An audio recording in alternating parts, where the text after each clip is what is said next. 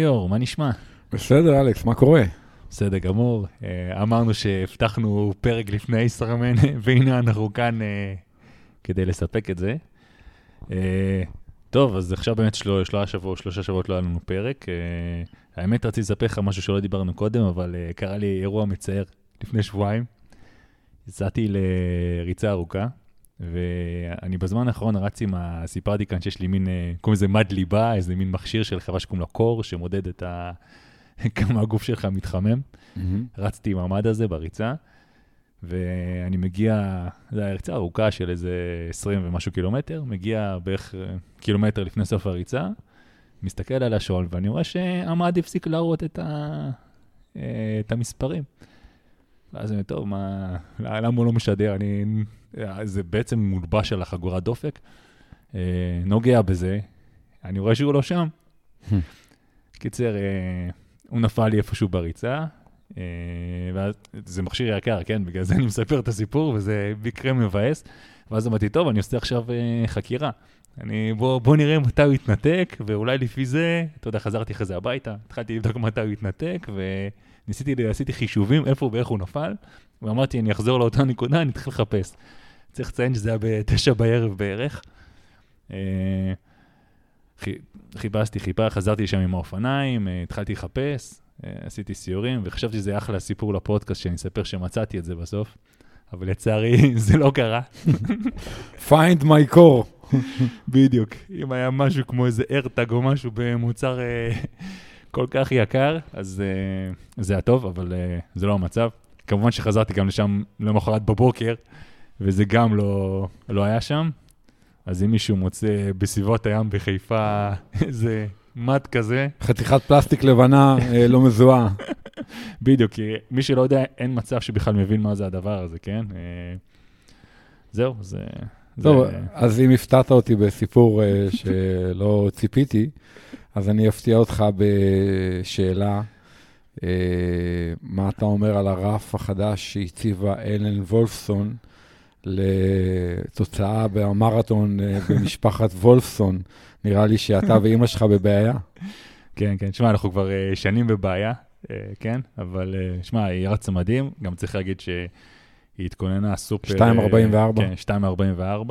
Uh, התכוננה סופר ברצינות לזה, רצה כל שבוע הרבה מאוד קילומטרים, אתה יודע, גם זה בא עם פציעות ביחד, והיא תכננה, צריך להגיד שהיא תכננה לרוץ 2.40, אה, כרגע זה לא קרה, אה, זה עוד יקרה, אבל אה, שמע, תוצאה מדהימה, אתה יודע, כולנו מאוד מאוד מאוד גאים בה.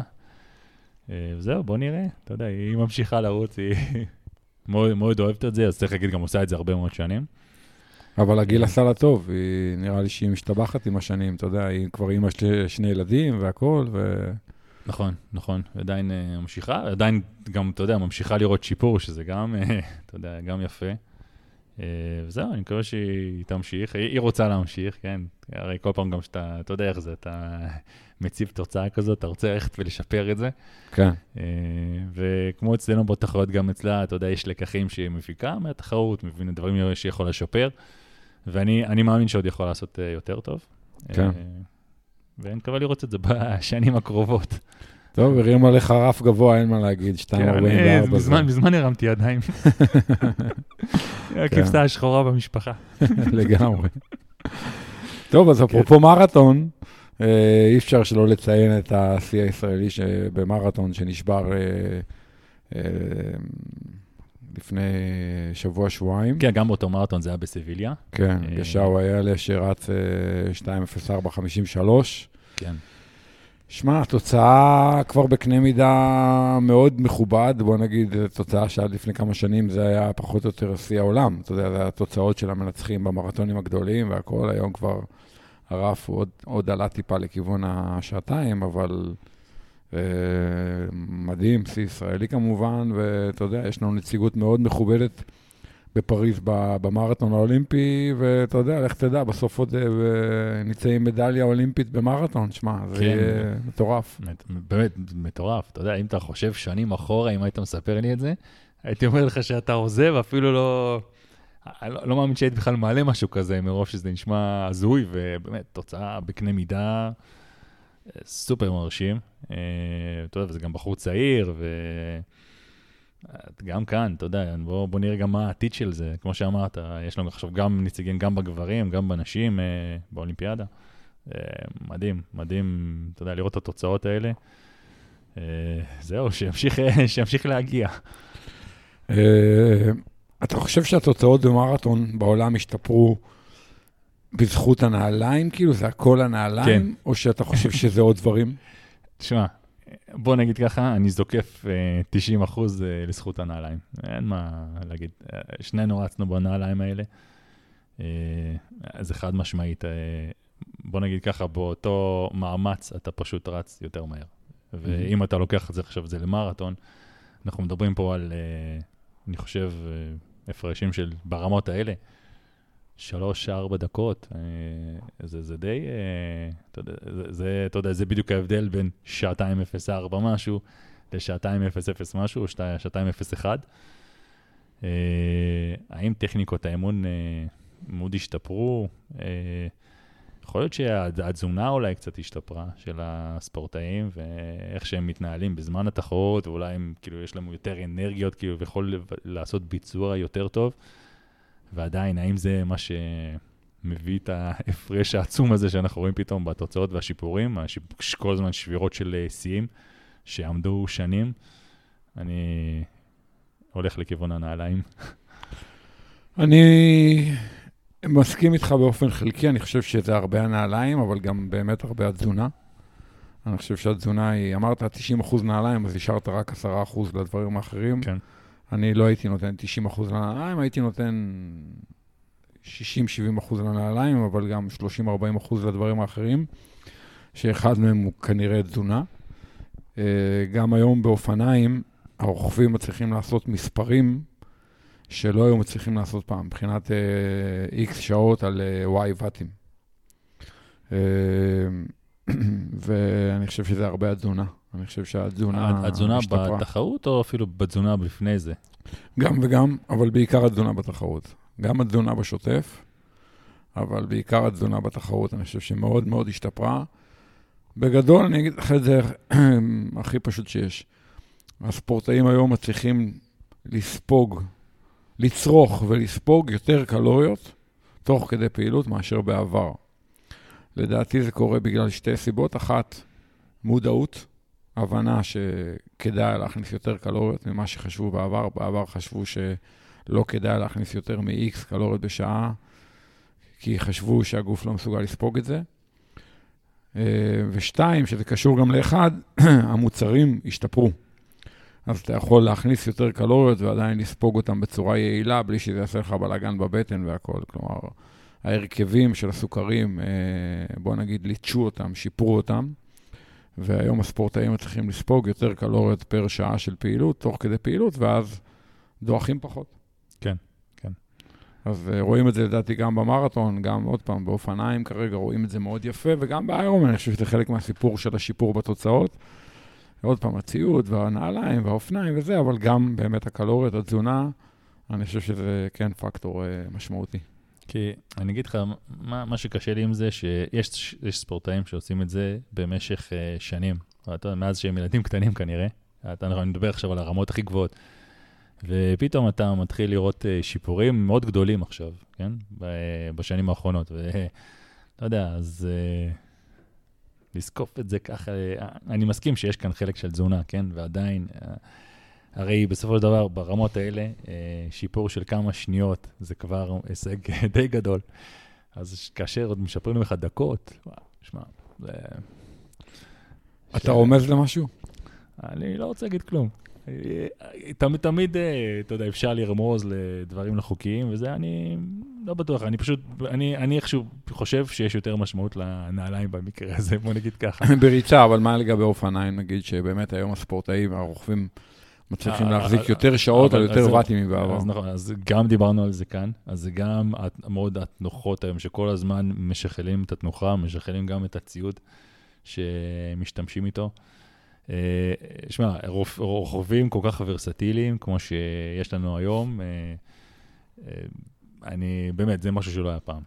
אז אני חושב שגם, אולי הפיזיולוגיה התקדמה, לא יודע איך, איך לקרוא לזה בדיוק, אבל כן יש כאן דור חדש, שמביא איתו כן ביצועים חדשים.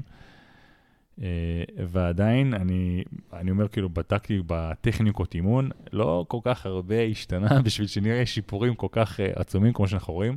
אני, בגלל זה אני כן זוקף הרבה דברים כן לטכנולוגיה. אגב, uh, תזונה זה גם טכנולוגיה, אפשר להגיד. כן. Uh, וכן, הרבה מאוד uh, לציוד עצמו. טוב, סבבה, אבל בכל מקרה זה עניין מעניין, כן. וזה יפה לראות את השיפור באמת בכל מיני ענפים בשנים האחרונות. אה, אתה יודע, אולי גם אני רוצה, אתה יודע, כי אני חושב גם על הקבוצות גיל ועלינו, הספורטאים והרגילים, אז אני גם רוצה להאמין בזה ש... אה, שגם עם הציוד, כאילו, אתה יודע, בסופו של דבר אני רוצה להאמין שגם משפר אותנו, כן? אה, אז אני כן מאוד מאמין בציוד ואני מאוד מאמין בטכנולוגיה. אז אולי אני קצת מוטה, אבל כן. סבבה. אחלה. ועכשיו uh, כבר התחלנו באמת לדבר על התחרויות האלה בחו"ל, אז בואו בוא נדבר קצת, uh, בואו נגיד ככה, המצב בארץ uh, בחודשים האחרונים, אנחנו עדיין במלחמה. בחו"ל גם פחות, חלק המקומות פחות אוהבים אותנו כרגע. בואו נדבר רגע על הבעייתיות הזאת של בכלל לנסוע כרגע לחו"ל, ו... האם, האם כדאי, לא כדאי? כן, תראה, זה גם מעניין בהקשר שאנחנו בשבוע של הישראמן, ועוד שבוע יש, אה, עוד עשרה ימים יש מרתון לירושלים. בדיוק אה, שמעתי אתמול איזה ראיון עם מישהו ממרתון לירושלים, הוא אמר שמגיעים אלף ספורטאים זרים למרתון ירושלים. אני, המספר הזה, וואו. הייתי בשוק, כאילו, כששמעתי אותו הייתי ממש מופתע. אני לא יודע כמה זרים מגיעים לישראמן. אני, כל אחד שבא, וואלה, צריך לתת לו פרס בעיניי. אז אמרתי עוד פעם קודמת שיגיעו, כן, יגיעו זרים, אבל כן, אתה יודע, אבל אני כן יכול להבין את זה, אני מאמין שיש הרבה שכן ירצו להגיע לארץ כתמיכה. אתה יודע, כן. להביא תמיכה, ואז אני כן יכול להבין את המספרים, אבל עדיין זה סופר יפה, כי אנחנו במצב של מלחמה, ולהגיע לכאן ולרוץ כאן זה מדהים, חבל על הזמן. ובמצב ההפוך, באמת, לנסוע עכשיו לתחרות בחו"ל, שמע, זה באמת כנראה לא פשוט, במיוחד למדינות מסוימות, אתה יודע. אז אני, אה, אני רוצה להגיד לך, אני יודע שאחותי בדרך כלל רצה עם חולצה עם אה, דגל ישראל, ועכשיו היא לא, היא פחדה לרוץ עם, אה, עם חולצה כזאת. כן, אני יכול להבין אותה. אני יכול להבין אותה, אני יכול להגיד לך שלפני הרבה שנים חשבנו לשים דגל ישראל על הביגוד הקבוצתי, ואני אמרתי שאני חושב שזה פשוט מסוכן. כי אתה יודע, אתה לא יכול לדעת איך איזה מישהו יגיב באיזה מדינה שהיא לא, אתה יודע, שיש בה הרבה מאוד אנשים קיצוניים שהם אנטי-ישראל, ובמיוחד אם אתה נוסע באיזה נסיעה קבוצתית, ונגיד יש גם מלווים וילדים וזה, אתה חס וחלילה לא רוצה שיפגעו בסוף באיזה מלווה, באיזה ילד, באיזה, אתה מבין? כי אתה נכון. עם דגל ישראל, ולכן... אה, אני מעולם לא ניסיתי, ל, אתה יודע, אה, לא יודע, להעלים את העובדה שאני מישראל, אבל גם אני חושב שלפעמים לא חכם להבליט אותה. Uh, עוד פעם, זה לא קשור לגאווה או משהו, זה פשוט, אתה יודע, לא חכם לבדוק את, ה... את הגבולות. בדיוק. Uh, ואני מכיר חבר'ה שנוסעים שבוע, חודש הבא לקייפ אפיק בדרום אפריקה, למשל, שאני חושב שהיא לא מדינה אנטי-ישראלית, אבל בגלל מה שקרה בהאג, אז כמובן נוצרה אנרגיה לא טובה עם דרום אפריקה באופן כזה או אחר. אה, וגם, אתה יודע, אנשים שמתכוננים לנסוע לתחרויות כאלה ואחרות באירופה בחודשים הקרובים. לא משנה אם זה איירומן או תחרות אופניים או כל דבר אחר, אתה יודע, במיוחד במדינות כמו, לא יודע, צרפת או שוודיה, או שיש, אתה יודע, הרבה אנטי-ישראלים. זה יהיה מורכב בעיניי, זה כאילו יהיה לא פשוט. אבל אתה עכשיו, אני מאמין שרוב האנשים שמשקיעים לפודקאסט שלנו, אה, שמקשיבים לפודקאסט שלנו, שהם כן ייסעו בסוף, כן? זה אנשים שכנראה מאוד מחוברים לספורט, כנראה אנשים שרובם אה, מתאמנים ברצינות, ואחרי שהתאמנת כזאת תקופה, אה, אם יש לך את ההזדמנות ואת האפשרות, אתה, אני מאמין שאתה כן תיסע. אבל זהו, אבל אני, אני, אני מאוד מאמין כמוך שכן לנקוט, להיות, להיות חכם, לא, אתה יודע, אה, כמו שאמרתי, אפשר, אם אתם רוצים, אתה יודע, תסתובבו עם הדגל, ואתה יודע, כל אחד איך שהוא מרגיש עם זה. השאלה אם זה הדבר הכי חכם שם, אה, אני לא בטוח. כן, תחשוב, במיוחד בתחרויות, נגיד, כמו אליפויות, אתה יודע, יש אליפות העולם, ב, לא יודע, בחצי, באיש ברזל, בזה, לא משנה במה. אז uh, בכלל מורכב. אני יכול להגיד לך שיש כרגע דיבור באולימפיאדה, גם כן, אה, כאילו שלא יהיה דגל ישראל, שלא אה, יהיה? המנון ישראלי אם אה, מישהו יזכה במדליית זהב. או, כן, וואו, כן, שמעתי אוקיי. השבוע את יעל ארד, היושב ראש הוועד האולימפי, מדברת על זה. תסתכל מה קורה באירוויזיון, כאילו, אתה יודע, זאת אומרת, אני בהחלט חושב שיש בעיה, אתה יודע, ואני, אני, שאלו אותי השבוע, אמרתי, אני הייתי נוסע, אם הייתי רשום לקייפ אפיק, נגיד, כן. הייתי נוסע לדרום אפריקה לתחרות. מצד שני, לא הייתי הולך וצועק בקול רם, אה, אתה יודע, שאני ישראלי והכול. כן, במיוחד במקומות, תשמע, דרום אפריקה, חד משמעית, כן, אחרי האג וזה, זה, אין פה שאלה בכלל, זה אולי אחד המקומות הפחות סימפטיים כרגע לישראלי לנסוע. אה, במיוחד אם אתה מבליט את זה, כן? אבל אם אתה, אני מאמין, אתה נוסע לבד, או עם כמה חברים, שוב פעם, כמשלחת נראה לי זה יכול להיות בעיה. כן. אה, אבל כן, לבד גם אני חושב שהייתי נוסע. במיוחד שאנחנו, אתה יודע, עוד פעם, אתה התאמנת לזה כל כך הרבה, כנראה מי, ש, מי שנוסע לאירוע שכזה, אתה יודע, כל תחרות ארוכה, כל כך הרבה חודשים של אימונים, אז מאמין שרוב האנשים שמקשיבים לפודקאסט ייסעו לא משנה מה. אה, כן. אה, אבל אתה יודע, במקביל זה טוב שיש לנו תחרויות בארץ, אתה יודע, יש באמת את הישראמן השבוע במרתון ירושלים, ומתוכננות כמה תחרויות בחודשים הקרובים בישראל, ואני, אתה יודע, מאוד בעד, כי אני חושב שזה, אתה יודע, זה כן. יותר ריאלי כרגע, התחרויות בארץ. חד משמעית, ועד היום הרבה אנשים דווקא פחות מהספורט, שיודעים שאני מעורב אה, בספורט, ומדברים איתי, מכירים גם את הישראמן, ואומרים, מה, איך יכול להיות שהישראמן מתקיים באילת? איך יכול להיות עם, עם כל החות'ים ועם כל הטילים, איך יכול להיות שזה קורה? כאילו אין מצב, כאילו איך אישרו את זה? והנה, זה מתקיים, ותשמע, מדהים. ואנחנו נדבר על הישראמן הרבה בהמשך כן, הפרק כן, הזה, כן, אבל... כן. אה, כן. כן, אז אתה יודע, בואו נעבור קצת לתחרות, אה, אה, אני לא רוצה להגיד יותר קטנה באיזשהו אופן, אבל לא יותר קטנה, הסופר ליג, שזה בעצם סוג של תחרות של סופר ספרינט כאלה, או... סבב, מקצוענים בטריאטלון. שהתחיל לפני כמה שנים. שגם בעצם שה... בעצם הרעיון שם שהכסף לסבב מגיע על ידי זה שהם משדרים את זה אה, בווידאו, אתם משלמים פשוט על ה... לראות את זה. אה, וגם שם אפשר לראות הרבה חבר'ה מה-ITU, מהסבב שמשתמשים, משתתפים, גם שחר שגיב אגב אה, השתתף שם בקבוצה. ושמע, ואני חושב שגם דיברנו פה בעבר על, הס... על הסבב הזה, ושנינו אהבנו את התחרויות, זה מגניב, זה קצר כזה, זה, זה מאוד דינמי, זה שונה. כי זה לא טריאטלון קלאסי, זה הרבה פעמים אה, לא בסדר אה, הרגיל, או כל מיני תחרויות אלימיניישן כאלה. אה, יש גם אלמנט קבוצתי כן. בתחרויות האלה, ובוא נגיד, זה פשוט לקחו את השחייה, הרכיבה, הריצה וערבבו מחדש, ועשו כל מיני אה, קונספטים שונים. זה התחיל לפני כבר, לדעתי, חמש-שש שנים, אה, מקורומיק התחיל את זה. ועוד פעם, סבב קצר, רק של המקצוענים, ומרחקים קצרים בעיקרון. אה, אתה יודע, זה בהחלט הכניס עניין לענף, והכניס כסף לענף. אבל הנה, גם הם עכשיו עשו מיתוג מחדש, והם עכשיו גם מתחילים לעשות תחרויות לחובבנים. אה, בפעם הראשונה השנה כבר יהיו תחרויות כאלה לחובבנים. אה, יש לזה עוד פעם איזשהו שם חדש, וכאילו rebranding כזה. ובעצם הם מנסים לתת fight לסבבים האחרים, גם הסבב של איירומן וכדומה, אבל גם לסבב T100 החדש הזה, שבעצם היום כולם הולכים לסבבים כאלה, גם למקצוענים, אבל גם פותחים את הסבבים האלה לקבוצות גיל. כן, שזה מעניין. אגב, זה, אתה יודע, זה כל, כל הסבבים האלה, זה ממש תור הזהב של הטריאטלון עכשיו. השנים האלה, הכסף פתאום שנמצא בתחום, זה משהו שלא היה. ואגב, בוא נראה לכמה זמן זה גם יישאר, כי בסופו של דבר, אה, אם אלה שהשקיעו את הכסף לא יקבלו בחזרה, לא ירוויחו מזה, אה, זה כנראה לא יישאר. אבל אה, השאלה באמת, אם התחרות כמו סופרלי כזאת, שאתה אוהב לראות את המקצוענים, כמה...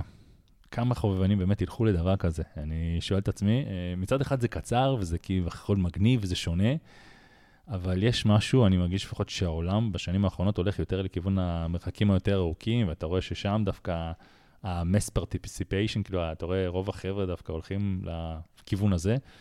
כמה ילכו למרחקים הקצרים, כי הרי אימונים לשתי הדברים הם שונים לגמרי, כן? כן. אה, לא יודע, אני איכשהו פחות, אולי, אולי בגלל שאני אישית פחות מתחבר לזה, אה, פחות מאמין בזה, אבל אה, תקשיב, יכול להיות שזה מאוד יצליח. אה, באמת השאלה גם זה כמה יפמפמו את זה, אני מאמין שנראה שם אולי הרבה חבר'ה צעירים דווקא, אה, בגילאים יותר צעירים, ודווקא יותר מבוגרים, ילכו באמת למרחקים היותר ארוכים. אני מסכים איתך, אני נוטה להסכים איתך. אה, אגב, אני חושב שהסבב הזה של הסופר ליג, וגם בכלל הסבבים האחרים שיש עכשיו, פותחים המון אפשרויות לטריאטלטים מקצוענים שלא מצליחים להיות טובים באולימפי, כאילו, אתה יודע, ולהגיע לאולימפיאדה, או להיות פקטור באולימפיאדה. ואם אני הייתי היום היועץ של כמה טריאטלטים ישראלים, הייתי אומר להם, תעזבו רגע את המרדף אחרי האולימפיאדה ותלכו לדברים האחרים, כמו ה-T100 הזה, או הסופר ליג, או כאלה דברים, כי הם יכולים לעשות מזה קריירה ולעשות כסף אמיתי, כן. מה שפעם לא היה. ואם כבר הזכרת את שחר, אז גם שחר עשה תחרות מאוד יפה השבוע בניו נכון. זילנד, וסיים רביעי, ואתה יודע, היה שם בקו אחד עם איידן ויילד, שזה אחד הטריאטלטים הכי טובים בעולם, אתה יודע. כן, אה, מדליסט ארד נראה לי באולימפיאדה שעברה, אני חושב. כן, אה, כן. כן, אה, היה כמה שניות ממנו, זה מדהים. כן, כן. זה הוא ברמה מאוד גבוהה, וגם אני יודע שהוא היה אחרי פציעה, לדעתי, הוא חוזר, אז בכלל, תחרות ממש יפה שלו. ממש, כן, כן.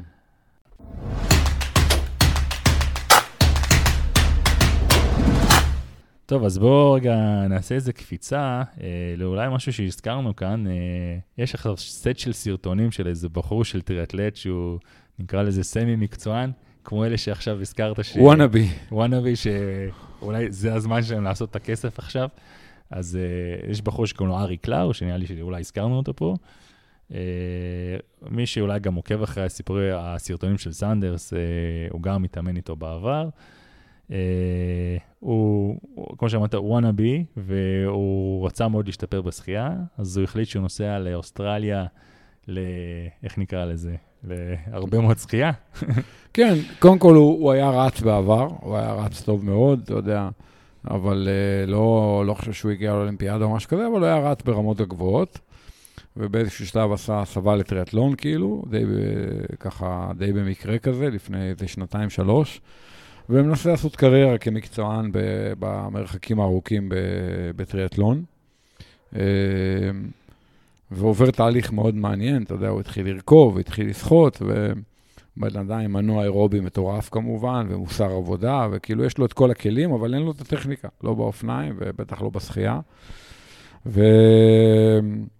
אתה יודע, הוא ברמה בינתיים די נמוכה, כאילו, בטריאטלון העולמי, במרחקים ארוכים. והוא הבין שכל עוד הוא לא ישחה ברמות הגבוהות, אין לו סיכוי לעשות קריירה בטריאטלון, גם במרחקים הארוכים, כי גם במרחקים הארוכים הדינמיקה השתנתה, ואם אתה לא שוחה מספיק טוב, אתה, אתה לא יוצא עם, עם רוב האנשים מהמים, אתה לא רוכב בסביבתם, אה, וגם אם אתה לא עושה drafting, כאילו אתה רק אה, רוכב בסביבת אנשים, זה כבר יותר קל, גם עוד פעם פיזיולוגית וגם מנטלית והכול. ואם הוא יוצא מהמים כמה דקות אחרי, הוא במרדף נוראי, ואז הוא גם מתפרק בריצה, כי כל האופניים הוא, הוא לוחץ והכול. זאת אומרת, בעצם הוא הגיע למסקנה שאתה צריך להיות שחיין מספיק טוב, אחרת אין לך סיכוי לעשות קריירה כן. כטריאטלט, גם במרחקים הארוכים. ועם המסקנה הזאת, אני אגב מאוד מסכים. אני חושב שאם אתה לא שוחה מספיק טוב, הסיכוי שלך... אבל אתה מסכים שזה משהו של השנים האחרונות, נכון? בהחלט. זה לא משהו שעד עכשיו. לגמרי. אה, היום באמת, אה, כדי לנצח בתחרות ארוכה, עזוב אליפות עולם, אבל אה, אתה פשוט חיה, לא מספיק לך להיות הרוכב הכי חזק ולרדת לאופניים עשר דקות לפני כולם, כי תופסים אותך. או ש... תראה, קודם כל, נגיד סתם, סנדרס הגיע פעמיים שני באליפות העולם באיש ברזל, פעם אחת בהוואי, פעם אחת בסנט ג'ורג'. עם שחייה לא טובה. כאילו, יצא מהמים כמה דקות אחרי המובילים, והצליח לסגור. נכון, אבל אני, אני חושב שבשתי הפעמים אה, הייתה שרשרת תורים מעניינת שהביאה אותו למצב הזה. אה, לא, מה, מה שאני בעצם אומר, שהוא לא יכול להגיע יותר שני. אתה מבין? כן? נכון. זה קרה, נכון. אני לא רואה אותו מגיע יותר שני עם היכולת שחייה שלו. כי אם הוא יוצא מהמים 5-6 דקות אחרי הראשונים, זה כמעט Game over, כאילו. כן. אתה יודע. אה, כי הוא כבר לא סוגר היום, לא באופניים ולא בריצה. הוא יכול לרוץ ולרכוב ברמות של הטובים, אבל הוא לא יכול לסגור עליהם. ולכן אה, הענף השתנה, כמו שאתה אומר, ואתה חייב להיות שחיין ברמה מאוד גבוהה. ואז החבר'ה האלה, נגיד, אה, סנדרס כמה פעמים ניסה לעשות איזה מיקוד שחייה, אבל לא באמת עשה אותו עד הסוף. עד הסוף אני מתכוון, דעתי לפחות, זה שהוא צריך לעזוב את האופניים ואת הריצה, כמעט לגמרי. כלומר, ממש לרכוב ולרוץ, אתה יודע, פעמיים בשבוע. אבל לשחות פעמיים כל יום, כאילו. לשחות, אתה יודע, לשחות, לא יודע, שמונה קילומטר כל יום. ככה, לא יודע, שנה. ואז בעיניי, כאילו, בן אדם כזה יכול אולי להגיע לרמת שחייה שהיא טובה מספיק, אולי הוא אף פעם לא יהיה מהכי טובים. ואז להחזיר לעצמו את האופניים ואת הריצה, וכאילו, תהליך של איזה שנה וחצי נגיד, ואז הוא באמת כבר ברמות הכי גבוהות אה, בשלושת הענפים. כן, אז, אז לדעתי, הוא ספציפית, לדעתי, איחר כבר את הרכבת, אבל אני רוצה להגיד לך שהוא כן עושה את זה היום, הוא כן, אה, אני פשוט במקרה, אני שוחה עם המשקפת הזאת של הפורום, ואיכשהו, לא יודע איך, אבל זה כל פעם מקפיץ לי שם ספורטאים האחרים ששוחים עם המשקפת, ויש שם את סנדרס, ואני רואה את האימונים האלה, וכל יום הבן אדם שוחה, הוא מסיים בסופו של דבר עם איזה 30 ומשהו, 30 קילומטר בשבוע, כמעט, mm. משהו כזה. הוא שוחה כל יום, אה, לפעמים אפילו, נראה לי פעמיים ביום. אה, הוא פחות מדבר על זה בסרטונים, למרות שכן רואים אותו שוחה, אבל הוא שוחה עכשיו המון, הוא משקיע בזה מאוד. אבל לדעתי זה אה, מאוחר מדי. מאוחר מדי. יכול להיות, אבל כאילו, יכול להיות שהוא עושה את זה שוב, כאילו, הוא כבר עשה את זה פעמיים, אבל, אבל בעיניי הוא עשה את זה חצי כוח, אתה מבין? כן. הוא כאילו אמר, אני עושה מיקוד שחייה, אבל לא באמת עשה מיקוד שחייה, אתה מבין? כן. אבל אני, אני אגיד את נכון, אבל אני חושב שאחרי כל השנים האלה, גם, אתה יודע, גם ההתבגרות אולי, מ... וההבנה אה, לגבי דברים שלא עבדו לו, אז, אה, והוא בעצמו כבר מבין שזה כנראה, זה כבר הסוף. ואולי עכשיו הוא מנסה כן אה, לשפר את הדברים, אה, ועדיין, אתה יודע, עם סנדרס הכל יכול להיות, אז אה, הכל כבר היה. כן, אבל בואו בוא נחזור רגע לעניין כן. של המיקוד שחייה. כן. אמ, אז ארי קלאו, זה הבחור ש wannabe, הוא נסע לאוסטרליה, והוא באמת, אתה יודע, העלה כמה סרטונים של המיקוד שחייה שהוא עושה, הוא מתאמן שם בבלארט, שזה עיר כזאת שעה ממלבון, נגיד. הוא התאמן עם איזה שתי אה, טריאטלטיות אוסטרליות ועוד כמה חבר'ה, ואתה רואה את האימונים שהם עושים בשחייה, וואו, באמת, כאילו, ימים מאוד קשים של שחייה, חלק פעם, ימים, שני אימוני שחייה כן, ביום. גם שתי, ראיתי נניח בבוקר אימון שחייה, לא יודע, זה של שבע קילומטר בבוקר בבריכה, ואז אחרי הצהריים הולכים לשחות במים פתוחים, באיזה אגם. כן. ואני אגיד לך, עולה לי, קודם כל, הכמות יחידות אימון שעושים שם היא מטורפת, ואני מבין שזה כאילו מחנה אימון, אבל זה לא מחנה אימון של שבוע, שבועיים, כן? זה היה משהו יותר ארוך. תמיד אני שואל את השאלה, כאילו, איך הם ממשיכים, איך הם מצליחים להתאושש מאימון לאימון, כי זה ממשיך וממשיך מיום ליום, זה רק נראה יותר, אה, במיוחד מהשבועות הראשונים, אני זוכר שהוא מאוד סבל שם. אה, אתה יודע, גם הנפחים האלה וגם העצימיות, זה נראה לא משהו שאפילו הוא היה רגיל. אז איך אתה יכול מזה שאתה פתאום קופץ למשהו כזה, שפשוט אתה מרגיש שגומרים אותך מיום ליום, ליום אתה נגמר, וכאילו בשלב מסוים אני כן חושב שהוא התחיל להרגיש שהוא כאילו נכנס לזה, ואני חושב שכן הוא בסוף ראה שם איזה שיפור, והוא אמר על איזה ברייקפור, כאילו, כי יש לו כאילו פריצת דרך שכן הייתה לו שם, אחרי כמה שבועות. אה, ועדיין, אני אומר, אתה יודע, אני מסתכל על בן אדם רגיל, שאוקיי, טריאטלט מקצוען, שזה מה שאתה עושה בחיים, אבל גם ללכת למשהו כזה, שכביכול, תחשוב באותה מידה, הוא יכול להיפצע שם, וזהו, זה נגמר. אה, אני בטוח שעבור רבים אה, זה ככה. אבל אולי, אולי קשה מישהו, אתה יודע, בן אדם רגיל עם עבודה וחיים וילדים, להבין משהו כזה, ואיך, איך, את, את ההתאוששות, כי זה באמת, תמיד אני רואה כמה מהסרטונים האלה של כמה מהם מקצוענים. נכון, אז הוא שוחה הרבה, וכביכול זה פחות אולי אה, אימפקט על הגוף, ועדיין, אתה יודע, לבלות כל כך הרבה שעות בבריכה, וגם מהסרטונים שהוא מספר, אה, הוא אומר שהוא בהתחלה היה שומר כוח, כי דוגמה, הוא יודע שהאימון יהיה... אה, יהיה סטים מסוימים, אז הוא תמיד היה שומר כוח, ועם הזמן הוא למד שפשוט צריך, הוא צריך לשחות כל סט כאילו הכי חזק שהוא יכול. כן. אז אני לא מבין את זה, זה כאילו נגד, כל דבר שאני מכיר, אה, אתה יודע, לעשות הכל, הכל הכי חזק שאתה יכול, ואיפה, איך אתה, איך אתה, איך אתה מחזיק בזה, ואיך אתה לא מתפרק, איך... אה, אני בטוח שיש אימונים שיתפרק וזה, ו... אבל איך הגוף, איך הגוף מצליח להחזיק את כל זה ולהכיל את כל זה, ובסוף להיבנות, וכן, להיות, כאילו, להשתפר. אה, מעניין אותי מאוד ה... תראה, קודם כל הוא צעיר והוא מקצוען, וזה מה שהוא עושה, הוא אוכל ישן ומתאמן, אתה יודע. והוא הרבה פחות רץ ורוכב, עכשיו בבלוק שחייה הזה. אה, והדברים ייבחנו לאורך זמן. כלומר, בואו נראה עוד חצי שנה, עוד שנה מהיום, איך הוא כטריאטלט. והאם הוא באמת עשה קפיצה בשחייה והכול. תשמע, אני רואה את זה בתור אחד שאתה יודע, אני גרתי באוסטרליה כמה שנים, וזה מזכיר לי נשכחות. כאילו, הוא מדבר קודם כל על זה שבאוסטרליה יש מלא בריכות 50 מטר, והבריכות הפתוחות, כאילו, יש מלא בריכות 50 מטר פתוחות, לא מקורות, כאילו, אה. שבחורף המים מחוממים, אבל הבריכה לא מקורה. וואלה. כמו באוניברסיטת אה, תל אביב למשל, שיש לך בריכה פתוחה אה, מחוממת. והוא אומר, אה, המסקנה שהגעתי היא שבעצם אין אה, שיטה אוסטרלית, כאילו בהתחלה הוא דיבר על השיטה האוסטרלית, ועכשיו הוא אומר, בעצם הבנתי שאין אין באוסטרליה שיטה. פשוט שוחים הרבה, שוחים חזק, וכשאתה מתבכיין אומרים לך, סתום את הפה, תמשיך לשחות. עכשיו, כשראיתי את זה, אני פשוט צחקתי, כי זה באמת כל כך אוסטרלי, אתה מבין? אני כאילו... כשאני נסעתי לאוסטרליה, הייתי שחיין די בינוני, כאילו, ו... וחזרתי משם שחיין, בוא נגיד, באיירון הראשון שלי כבר שם שחיתי 55 דקות. כן. אה, אתה יודע, בתור אחד שלא שחיין, זה זמן אה, טוב יחסית, אתה יודע, כן. לחובבן וזה. כי פשוט היינו שוחים הרבה, שוחים חזק, וסתום את הפה, תמשיך לשחות, כאילו, אתה מבין מה אני מתכוון? זה כאילו, זה כל כך אוסטרלי, וזה, אתה יודע, זה כאילו, אני חושב שמה שהוא עשה, הצעד הזה הוא מאוד מאוד יפה גם, אתה יודע, להבין את זה וללכת ולהגיד, אתה יודע מה, אני עכשיו לא יושב פה בבית, אני נוסע לאוסטרליה, ואני הולך לעשות מה שצריך כדי להגיע לרמות הגבוהות, כאילו, ואני, קודם כל, אני מאוד מעריך את זה, אתה יודע, את המחויבות הזאת, ואני בטוח שרק מתוך הדבר הזה הוא כבר אה, יצמח ויהיה אה, ספורטאי טוב יותר.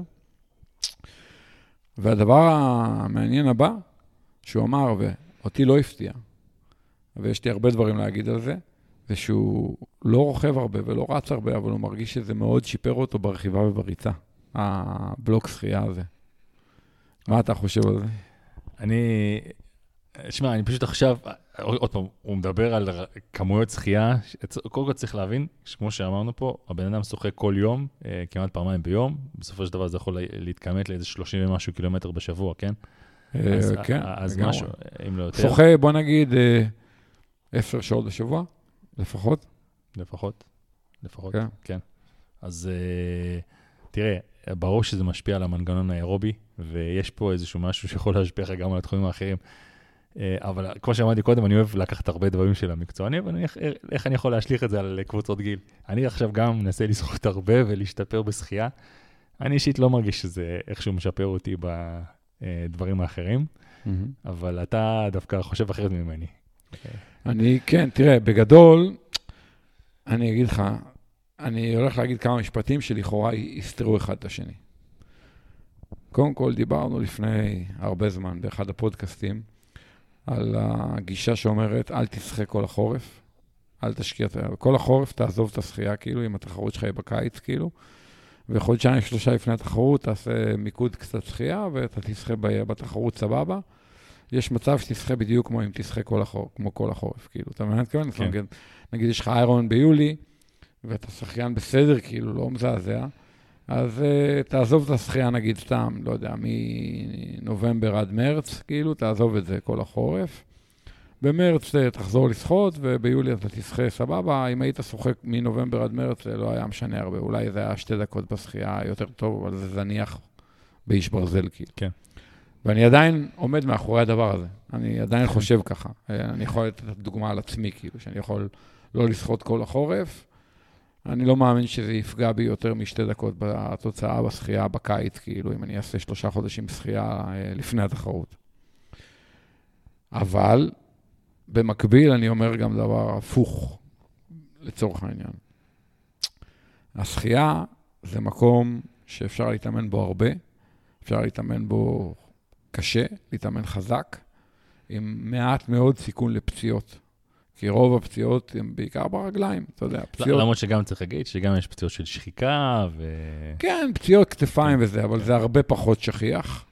וגם אם זה קורה כטריאטלט, זה הרבה פחות נורא. זאת אומרת, גם אם עכשיו יש לך דלקת בכתף, ואתה שבוע מושבת, ולא יודע, לוקח ארקוקסיה ולא שוחה, יאללה, בסדר, לא דרמה. נכון. לעומת אה, עכשיו יש לך, לא יודע מה, שינספליט או דורבן, או לא יודע, יש לך, כאילו, אתה מבין איזה פציעת אה, משהו, איזה משהו בירך, או אתה יודע, ITB כאלה.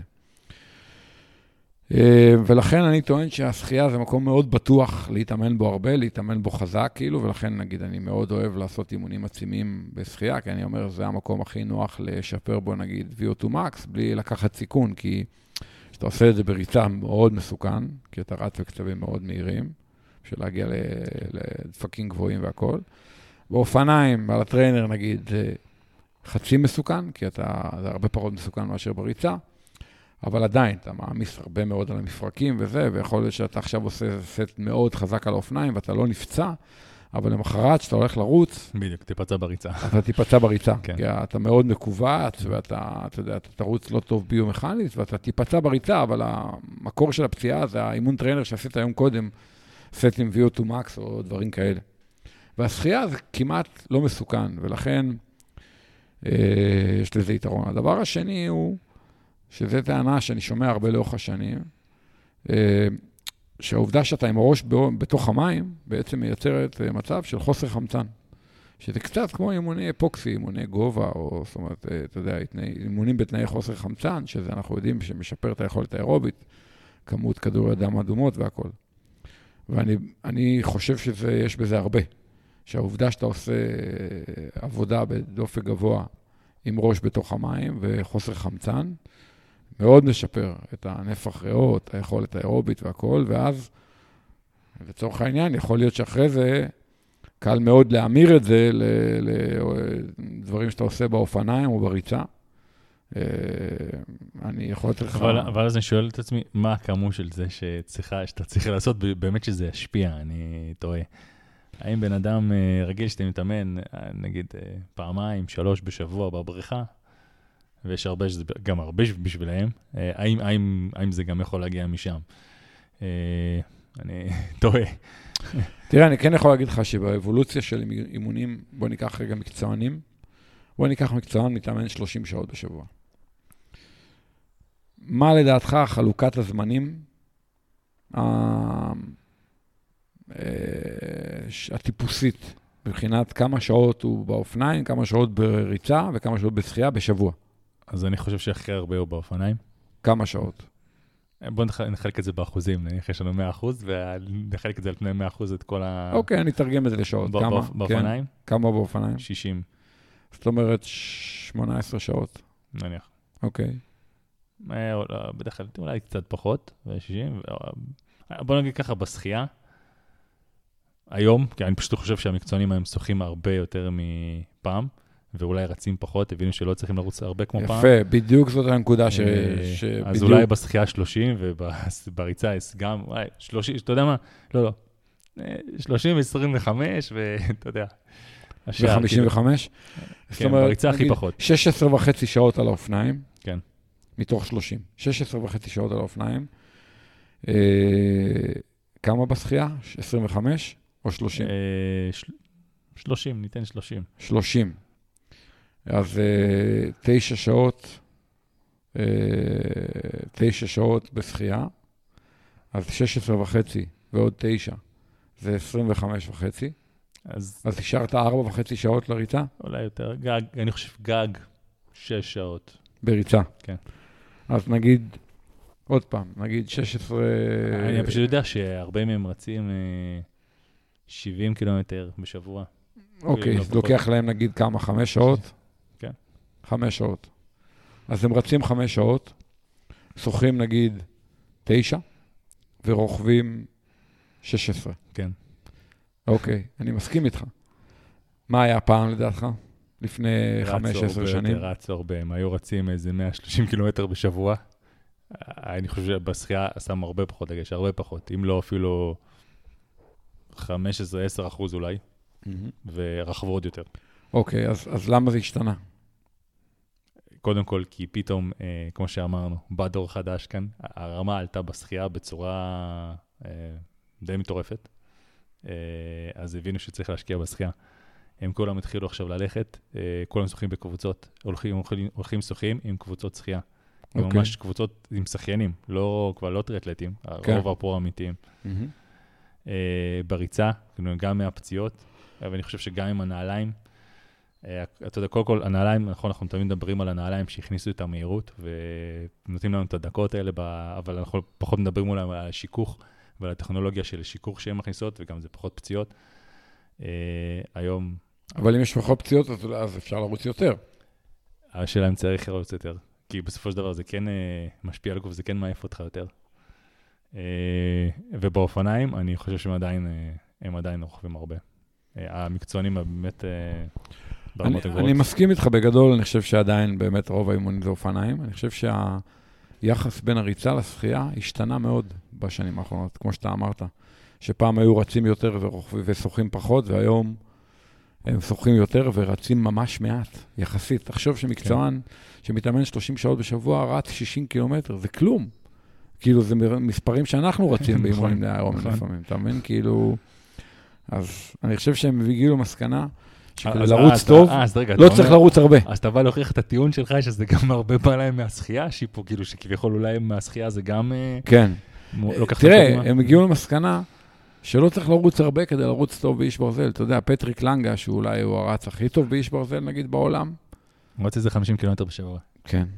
כן. אתה מבין? נכון. כאילו, הבן אדם רץ, בוא נגיד בשנה, נגיד 2,500 קילומטר, יכול להיות? אה, לא, סליחה, לא. יותר. הוא רץ כן. כאילו, אה, בוא נגיד בשבוע טיפוסי 50 קילומטר, אוקיי? אז 200. אה, אז הוא רץ... כן, לא, לא, בסדר, כן. הוא רץ... סביב ה-2,000, נניח, נניח, נניח, נגיד סביב ה-2,500. 2,500, זה לא הרבה, אתה מבין? זה כלום, יחסית. כן. נכון. והוא עדיין רץ, כאילו, אתה יודע. כאילו, באמת, באמת, אם תשווה את זה לפעם... 2.30 באיש ברזל, כן, אתה מבין? כן. כאילו... זה הכי, הכי מהיר, הכי מהיר מכולם. כן. אה, כן, זה מדהים. ולדעתי אנחנו נראה השנה 2.20 באיש ברזל, כאילו.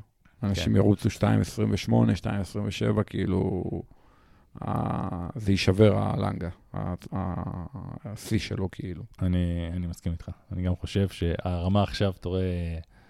שוב פעם, אני חושב שהרבה גם, בגלל קפיצה טכנולוגית, אה, אני כן חושב שכמו שאמרנו, הקפיצות הטכנולוגיות האלה, אם זה תזונה או משהו אחר, הם כן יכולים לעשות את האימונים יותר אפקטיביים אולי, וכן להביא אותך ל... לא יודע, אולי להעלות את הרמה באיזושהי צורה אה, יותר מפעם, וזה הקפיצות האלה שאנחנו רואים.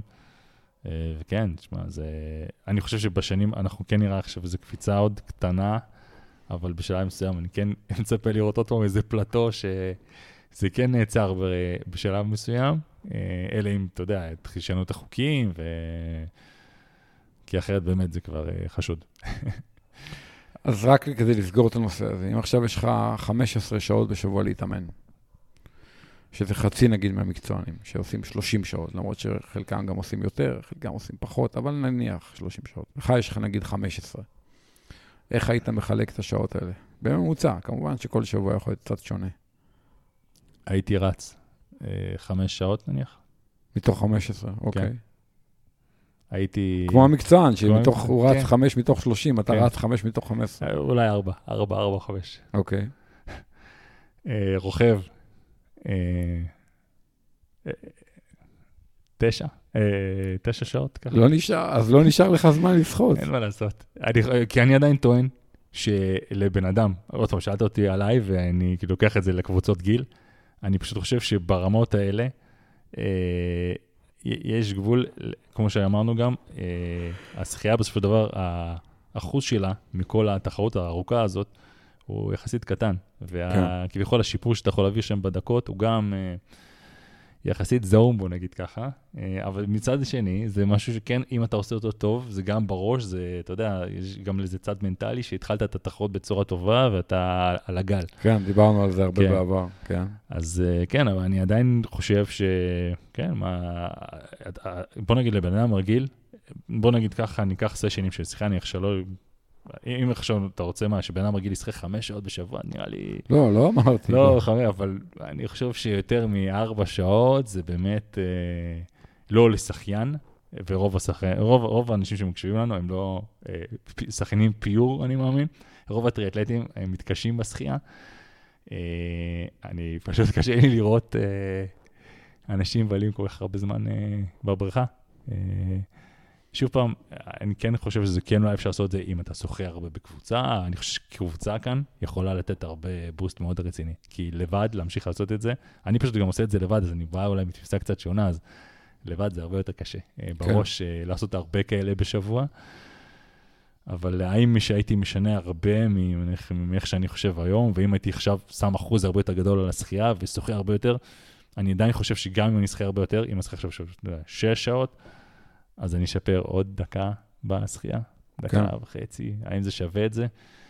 אה, וגם צריך להגיד שכל הדברים האלה, בוא נגיד, אני, אתם יודעים שאני פחות מתחבר לשחייה, אה, צריך לחשוב גם על הצד המנטלי, וכמה זה שוחק אותך בראש. כן. בסופו של דבר, אם אתה רוצה לעשות לאורך זמן את הדבר הזה, וזה משהו שאתה מתקשה איתו, ואתה נלחם עם עצמך לעשות אותו מפעם, אתה יודע, מאימון לאימון, זה משהו שקשה מאוד להחזיק לאורך הזמן, ובמיוחד להישאר בספורט לאורך שנים. אה, זה, זה האמונה שלי. אז אני חושב, כן חשוב למצוא את האיזונים, ומשהו שכן, אה, אה, משהו שאפשר לשמור אותו לאורך זמן. משהו שכן הגיוני, כי אני כן רואה הרבה אנשים, במיוחד אגב, אנשים שאו סיימו תחרות שלא הלכה מספיק טוב, או סיימו תחרות שהלכה מאוד טוב, ואז הוא אומר, אוקיי, יופי, אני, או שאני יכול ממש, אני רואה שאני יכול ממש להשתפר, או הנה, אני חייב להשתפר ואני חייב עכשיו ללכת לעשות הרבה הרבה הרבה ממשהו מסוים. Uh, ואני חושב שזה משהו יכול להיות מאוד, ובדרך כלל מתחילים את זה מוקדם מדי גם לפני התחרות. אני חושב שזה משהו סופר שוחק, אז uh, לדעתי חשוב מאוד למצוא את האיזונים בכל הדבר הזה, מה שאנחנו תמיד אומרים פה, כן? ברור. זהו, אז לקחנו את הדיון הזה ל... לא, לא, לא, אבל זה דיון מאוד מעניין, כן. שהלך להרבה מקומות, אבל זה בעיניי דיון uh, חשוב ורלוונטי. אה, טוב, בואו רגע לפני שמדברים על הישראמן, נדבר רגע על עוד נושא אחד שעלה השבוע אה, בוואטסאפים שלנו קצת, אה, כי ראינו שהתפרסם שגם סאגן יש לו בעיות לב. אני, אני, אני פוחד להגיב על זה כבר. כי אתה ישר תגיד חומרים אסורים. כל דבר, חומרים אסורים, חומרים אסורים. אני מה, איך, איך... טוב, דבר אתה, אני לא רוצה להגיד כלום. וגם קמרון בראון, שהוא היה, אתה יודע, פעם מאנשי ברזל הכי טובים בעולם, אתה יודע, היה כמה אה, פעמים top five בהוואי, כן. אה, ניצח את Ironman New Zealand איזה 7,000 פעם, ואתה יודע, הוא לא היה אף פעם, נגיד, הכי טוב בעולם, אבל הוא היה בהחלט מהטובים, כן. אחד היציבים גם ב... מדהים, אה, מדהים. כן. ועד היום, בגיל 50, הוא עדיין ממש טוב, כאילו, עדיין כן. מתחרה במקצוענים. עוד פעם, כבר לא פקטור, אבל לא משנה. וגם הוא, אה, עבר לדעתי איזה ניתוח לב אה, השבוע, אני חושב שזה אפילו פעם שנייה או משהו כזה. כן. וזה ישר העלה דיון, אני אתמול שאלתי בוואטסאפ אה, האם זה, אתה יודע, חומרים אסורים באמת, האם זה קשור לספורט כאילו אולי, או אתה יודע, העליתי גם איזושהי השערה שאולי זה קשור לחיסוני קורונה, כי... יש טענה שראינו יותר מקרי לב בשנים האחרונות מאז החיסוני קורונה, במיוחד, אני חושב, אצל נשים, כאילו, יותר מבעבר. פעם מחלות לב זה היה משהו שהיה כאילו כמעט אך ורק גברים, והיום כבר רואים כל מיני נשים עם בעיות לב. Uh, אתה יודע, העליתי הרבה השרו, uh, אפשרויות עם סימני שאלה, uh, לא אמרתי שום דבר נחרץ בדיון הזה. אני לא מכיר את הנתונים האלה על הקורונה, שאתה מדבר עליהם. תראה, סג, סג, סגן כזה, בגיל uh, צעיר כל כך, אני לא חושב שאתה צריך לחוות uh, ניתוח לב כזה, אם הכל uh, תקין, ו...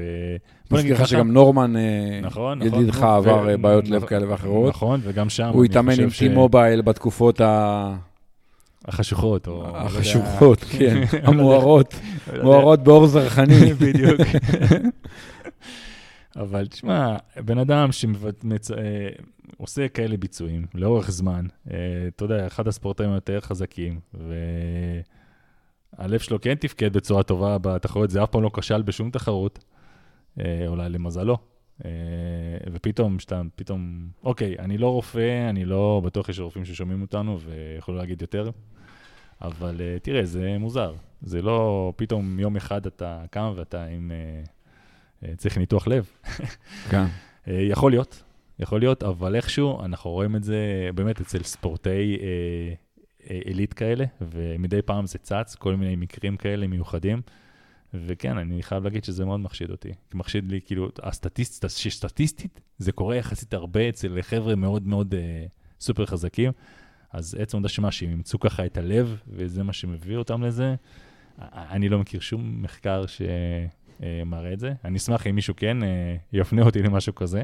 זאת אומרת, אה, אצלך זה מחשיד אותם לחומרים אסורים. כן, אני מחשיד, לדעתי, חד משמעית. עוד פעם, אני לא רוצה, יכול להיות שאתה יודע, אחד ל, אני בטוח שאתה יודע, יש מקרים מצערים, ואני בטוח שסטטיסטית זה קיים, אין מה לעשות. אבל uh, הסטטיסטיקה כאן מכה חבל על הזמן.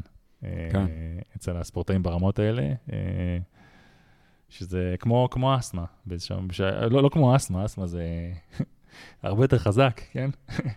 אצל כולם, אבל גם כאן, uh, משום מה, לא יודע, אני קצת, כשקראתי את זה, שער, זה, זה הדבר הראשון שאני חושב עליו, מה, מה אני יכול לעשות? כן, כן. טוב, בכל כן. מקרה, אה, מעניין העניין הזה, האם באמת אנחנו מסכנים את עצמנו, שאנחנו מתאמנים הרבה בסיבולת, האם זה פוגע בלב? אתה יודע, כל, כל כמה שנים כן מתפרסם מחקר, שזה מקטין את המספר השנים שבן אדם יחיה, פתאום זה מעריך, אה, אתה יודע, כל, כל אחד והזה שלו. אה, כן, בטוח שיש מחקר שכן יכול להראות שזה מסכן. אז כן, אני לא, לא יודע לאן לקחת את זה.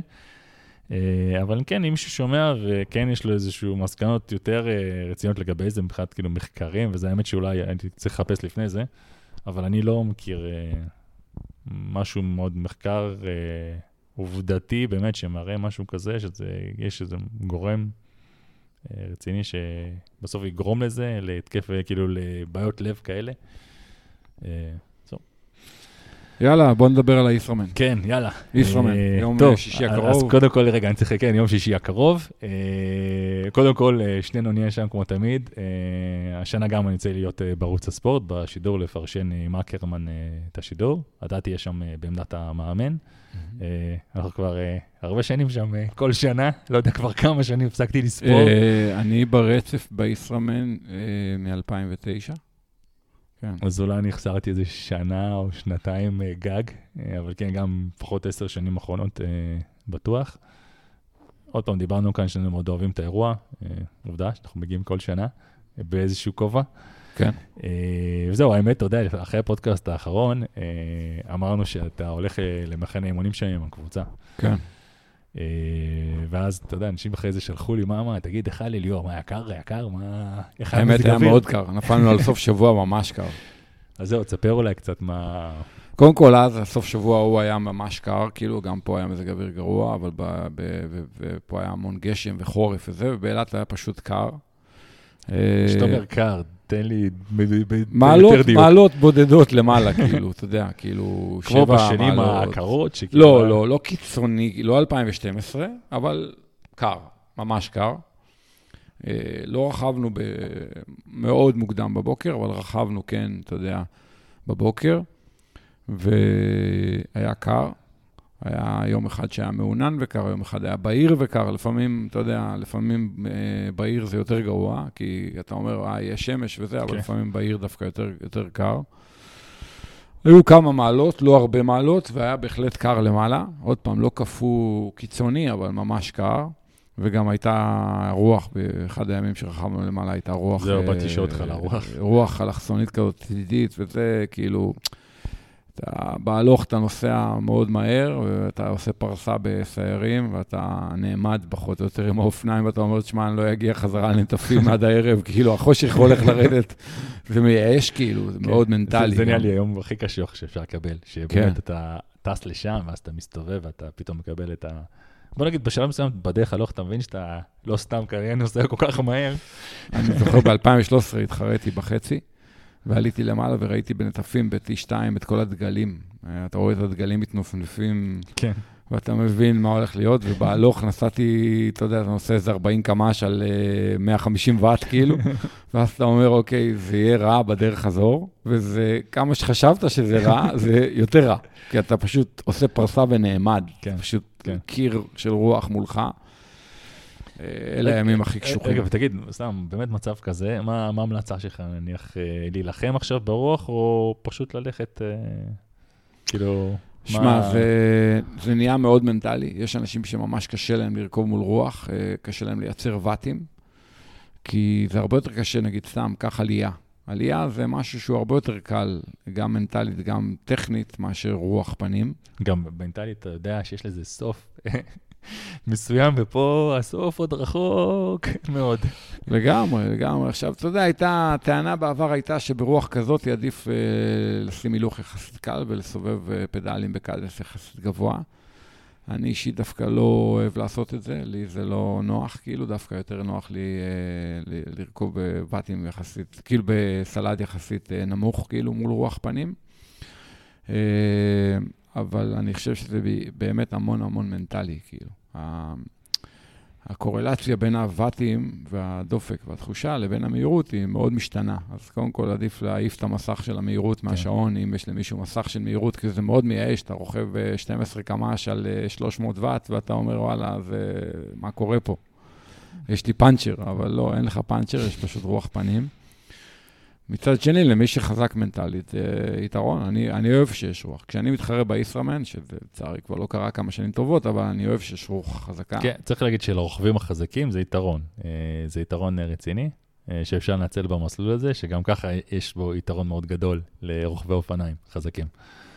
כן, it's a bikers, bikers course, אבל... אני כן חושב שצריך להגיד שאני מבחינתי, אני חושב ש... ברגע שאתה פתאום חוטף את הרוח הזאת, אפשר להיכנס ללחץ, ופתאום לשנות את המוד שאתה מתחרה בו, או דווקא כן להתחיל ללחוץ, להילחם ברוח. אז אני חושב שאסור לסטות מהתוכנית המקורית, אה, וכן, אה, אם תכננתי לקרב בבתים מסוימים, אז אם כבר, או, או להוריד, אבל לא להתחיל להילחם, לא להתחיל עכשיו להילחם בטירוף ברוח, כי זה כנראה לא ייגמר טוב, או תשרפו את עצמכם. זה לדעתי הטעות הכי גדולה שאפשר לעשות, אה, להילחם, כי זה לא, שוב פעם, יש, יש דרך ארוכה. אה, ואם אה, מתחילים לדחות חזק מדי, גם אני, אגב, חושב, ליאור, מה שאתה אמרת, שדווקא להוריד, אתה יודע, על קדנס יותר נמוך, לא לכולם זה. אני, כאילו, אני אישית דווקא מסתובב על קדנס יותר גבוה, כן. שיש רוח, mm-hmm. אבל אני חושב שכל אחד שיעשה משהו רגיל אליו, כן. לא הולך לפי עצות שלנו בדיוק בקטע הזה, ולא לשנות פתאום את התוכניות. כן. מה שאתם רגילים מהאימונים, להמשיך לעשות את זה גם, כי בטוח שכל אחד באימונים גם נתקל ברוח, אז... אה, עכשיו, אה, עוד דבר, אתה יודע, אם באמת יהיה רוח, אה, מדברים על רוחות מזרחיות ביום שישי הקרוב. אני לא יודע אם זה יהיה גם באילת, אבל לפחות במקומות אחרים בארץ, בהגדרה, בתחזית, אמרו רוחות מזרחיות חזקות. אם יהיו רוחות, רוחות אלכסניות, רוחות צד, אז צריך לגעת בחשבון את הגלגל הקדמי. לא לבוא עם גלגלים קדמיים עמוקים מדי, כי זה גם מסוכן, אתה עלול לאבד שליטה באופניים ממש. היו כבר אנשים שמצאו את עצמם שם בצידי הדרך אה, לא פעם. כן, כן, אה, כן, כן, גם במיוחד באמבטיות שם, וזה בין הגאיות וה, והנחלים. ו, וגם, אה, תשמע, אם אתה רוכב כל הזמן בסטרס, אז א', אתה לא יכול לרכוב על האירובר, אתה יושב על הבייסבר ואתה פשוט סתם מבזבז אנרגיה ורוכב לאט כאילו, כי אתה לא אווירודינמי. וגם הסטרס הזה הוא מאוד מתיש מנטלית, כאילו, אתה בסטרס כי אתה בפאניקה שהגלגל הקדמי שלך יישאב מהרוח והכול. ואתה מאוד מכווץ בצוואר, בכתפיים וזה, זה גם רע מאוד לריצה אחר כך, כאילו. אתה יורד לריצה תפוס כולך כן. ומפורק, כי אתה היית בסטרס במשך אה, כמה שעות ברכיבה, בגלל שפחדת, כי יש לך גלגל קדמי עמוק והיו רוחות. לכן אני תמיד אומר, במיוחד אנשים שהם פחות כבדים, פחות חזקים, פחות מיומנים, לא לבוא עם גלגל קדמי עמוק מדי. אני חושב שלפעמים אנשים באים עם איזה גלגל 80 כזה, נגיד קדמי, שנראה טוב והכול, כן. וביום מסוים, לרוכב מסוים זה יכול להיות סבבה, אבל ביום אחר, לרוכב פחות, זה יכול להיות מאוד בעייתי. זה יכול להיות גם סבל נורי. זה יום שפשוט, אה, באמת, יום על האופניים, שזה מלחמה, מלחמה כל הדרך. אם יש רוח מזרחית, לא, לא כיף בכלל. וזה בעיקר הגלגל הקדמי, כאילו, אנשים תמיד מדברים איתי דיסק, לא דיסק, אני אומר, חבר'ה, הגלגל האחורי זה לא העניין. נכון, גם צריך להגיד שהגלגלים האחוריים של השנים האחרונות מאוד השתפרו ברוחות צד, ובאמת יש פחות, יש עדיין השפעה, אוקיי, אם יש רוחות מאוד חזקות, אה, אבל עדיין, זה לא באמת, כמו שאמרת, הקדמי, הגלגל הקדמי זה שם הבעיה, שהוא עמוק מדי, זה פחות מתאים ליום כזה, ותמיד אנחנו מזכירים את זה. ותמיד יש מישהו שיבוא עם גלגל קדמי אה, רחב, כי הוא יחשוב שהוא ידפוק את המערכת. אה, ושמע, יש מצב שכן, כן, אתה יודע, בסופו של דבר זה תחזית. כמו כל דבר בארץ, אה, בתחזיות זה תמיד, הכל יכול להיות, אבל זה סיכון, אז בגלל זה אנחנו כן, ש... תמיד אומרים מי שיש לו שתי סטים, אז בבוקר, בבוקר של התחרות כן יכול לעשות את ההחלפה ופתאום להחליט אחרת. ועדיין אה, הייתי הולך על בטוח, כמו שאמרת, במיוחד לאנשים שפחות בטוחים, ואולי צריך להגיד עוד, להגיד עוד משהו. אה, לגבי האמבטיות, אם עכשיו באמת אני נכנס ליש הרבה אמבטיות, ואני חוטף את המשב רוח החזק הזה שיגף אותי. גס, גסים של רוח, כן. אז נראה לי, ואני לפחות תמיד בדברים האלה למדתי שאסור, כאילו, אסור לעשות תנועות פתאומיות, פשוט להמשיך עם זה, כאילו, יותר אה, להמשיך עם הגסט. אז אה, אני למדתי שההתרסקות בדרך כלל הן מהלחץ של התנועות הפתאומיות האלה. אה, אז באמת, זה קשה מאוד להישאר רגוע במצב הזה, ואני לא אומר להישאר רגוע, אבל לא לעשות תנועות פתאומיות. זה כן. ה... כן, כן, מסכים איתך. והפקטור השני שיכול להיות זה חם. זאת אומרת, יכול להיות חם, אנחנו במרץ, הישראמן השנה נדחה בגלל המלחמה, הוא לא בסוף ינואר, הוא בתחילת מרץ. זה בערך חודש הבדל, שזה כאילו לא נראה הרבה, אבל זה, זה הרבה מאוד. ודיברת קודם על המחנה אימונים, אמרתי לך שהיה ממש קר, אז בישראמן הקרוב, ביום שישי נראה לי שיהיה חם. עוד פעם, אני אשאל אותך, כמה חם? כמה חם? יכול להיות 25, 27 מעלות, שזה ממש חם, כי הריל אפילו יותר כן. גבוה, במיוחד מי ש... עכשיו שהגוף לא מעוקלם בכלל, זה סרט רציני. בדיוק. עכשיו, למי יהיה חם? יהיה חם למהירים של המלא ולאיטיים של החצי. כי גם צריך לזכור, חלק מהזינוקים בשבע וחצי בבוקר, אז אה, תחשוב שבן אדם יוצא מהמים, נגיד, בחצי ב... לא יודע, שמונה ורבע. ומתחיל לרכב נגיד שמונה וחצי לצורך העניין, רוכב נגיד, אה, לא יודע, שלוש וחצי, ארבע שעות, אז הוא ב-12 וחצי, אחת, אה, הוא מגיע למטה לריצה, הוא מגיע בעצם בשיא החום למטה כן. לאילת, ויהיה חם. יהיה חם, צריך לקחת את זה בחשבון, כי זה לא מה שאנחנו רגילים מהאיסרומן. אז כמו שאמרת, קודם כל, הגוף לא מאוקלם, והגוף יהיה לו קשה לה, להתמודד עם החום הזה. צריך לחשוב על זה מבחינת העצימויות, לשים לב לדופק, לא לבשל את הגוף, אה, אפרופו מה שדיברת על המכשיר הזה שנאבד לך הקור, ולבחור ביגוד בחוכמה, כובע, וזה אולי כאילו, אתה יודע, אה, משהו על הראש וכאלה דברים. והמון נוזלים ומלחים. זהו, מלח, פקטור. כדורי מלח אולי יותר אה, להצטייד בכדורים, שיהיה. כן, כן. שוב פעם לא יותר מדי.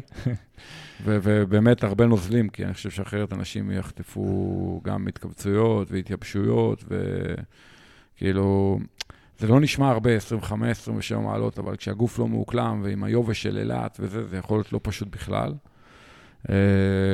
אה, ואני חושב שזה כן פקטור שאנשים צריכים לחשוב עליו טוב-טוב, אתה יודע, גם מבחינת ההקפדה על הנוזלים ועל המלחים, וגם ויסות, אה, ויסות עצימויות.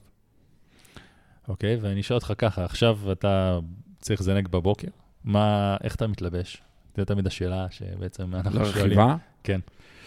Uh, באמת, בוא נראה מה התחזית אומרת, כאילו, שנהיה יום לפני, וגם תלוי מתי אתה מזנק, כי אם אתה מזנק בשבע וחצי, נגיד לחצי, אתה בשמונה, רק בשמונה יוצא מהמים, כבר יהיה ממש לא קר. כן. אתה מבין? כאילו, ועד שאתה מגיע למעלה, אז... אז לא היית שם, שר... היית שם שרוולים? אני לא יודע להגיד לך עכשיו. Mm-hmm. לא יודע להגיד לך עכשיו.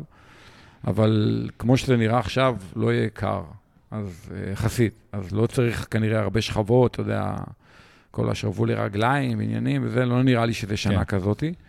אה, אולי וסט, כן, אולי שרבו לי ידיים. צריך תמיד, נכון, תמיד, תמיד וסט הזה גם אפשר בדרך להיפטר ממנו, כן? בתחנה או תזונה כזאת או משהו, תמיד... אה, אני תמיד אוהב וסט, ואולי גם כן. שרבו לי ידיים, כי זה משהו שקל להוריד וזה נושם והכול. נכון.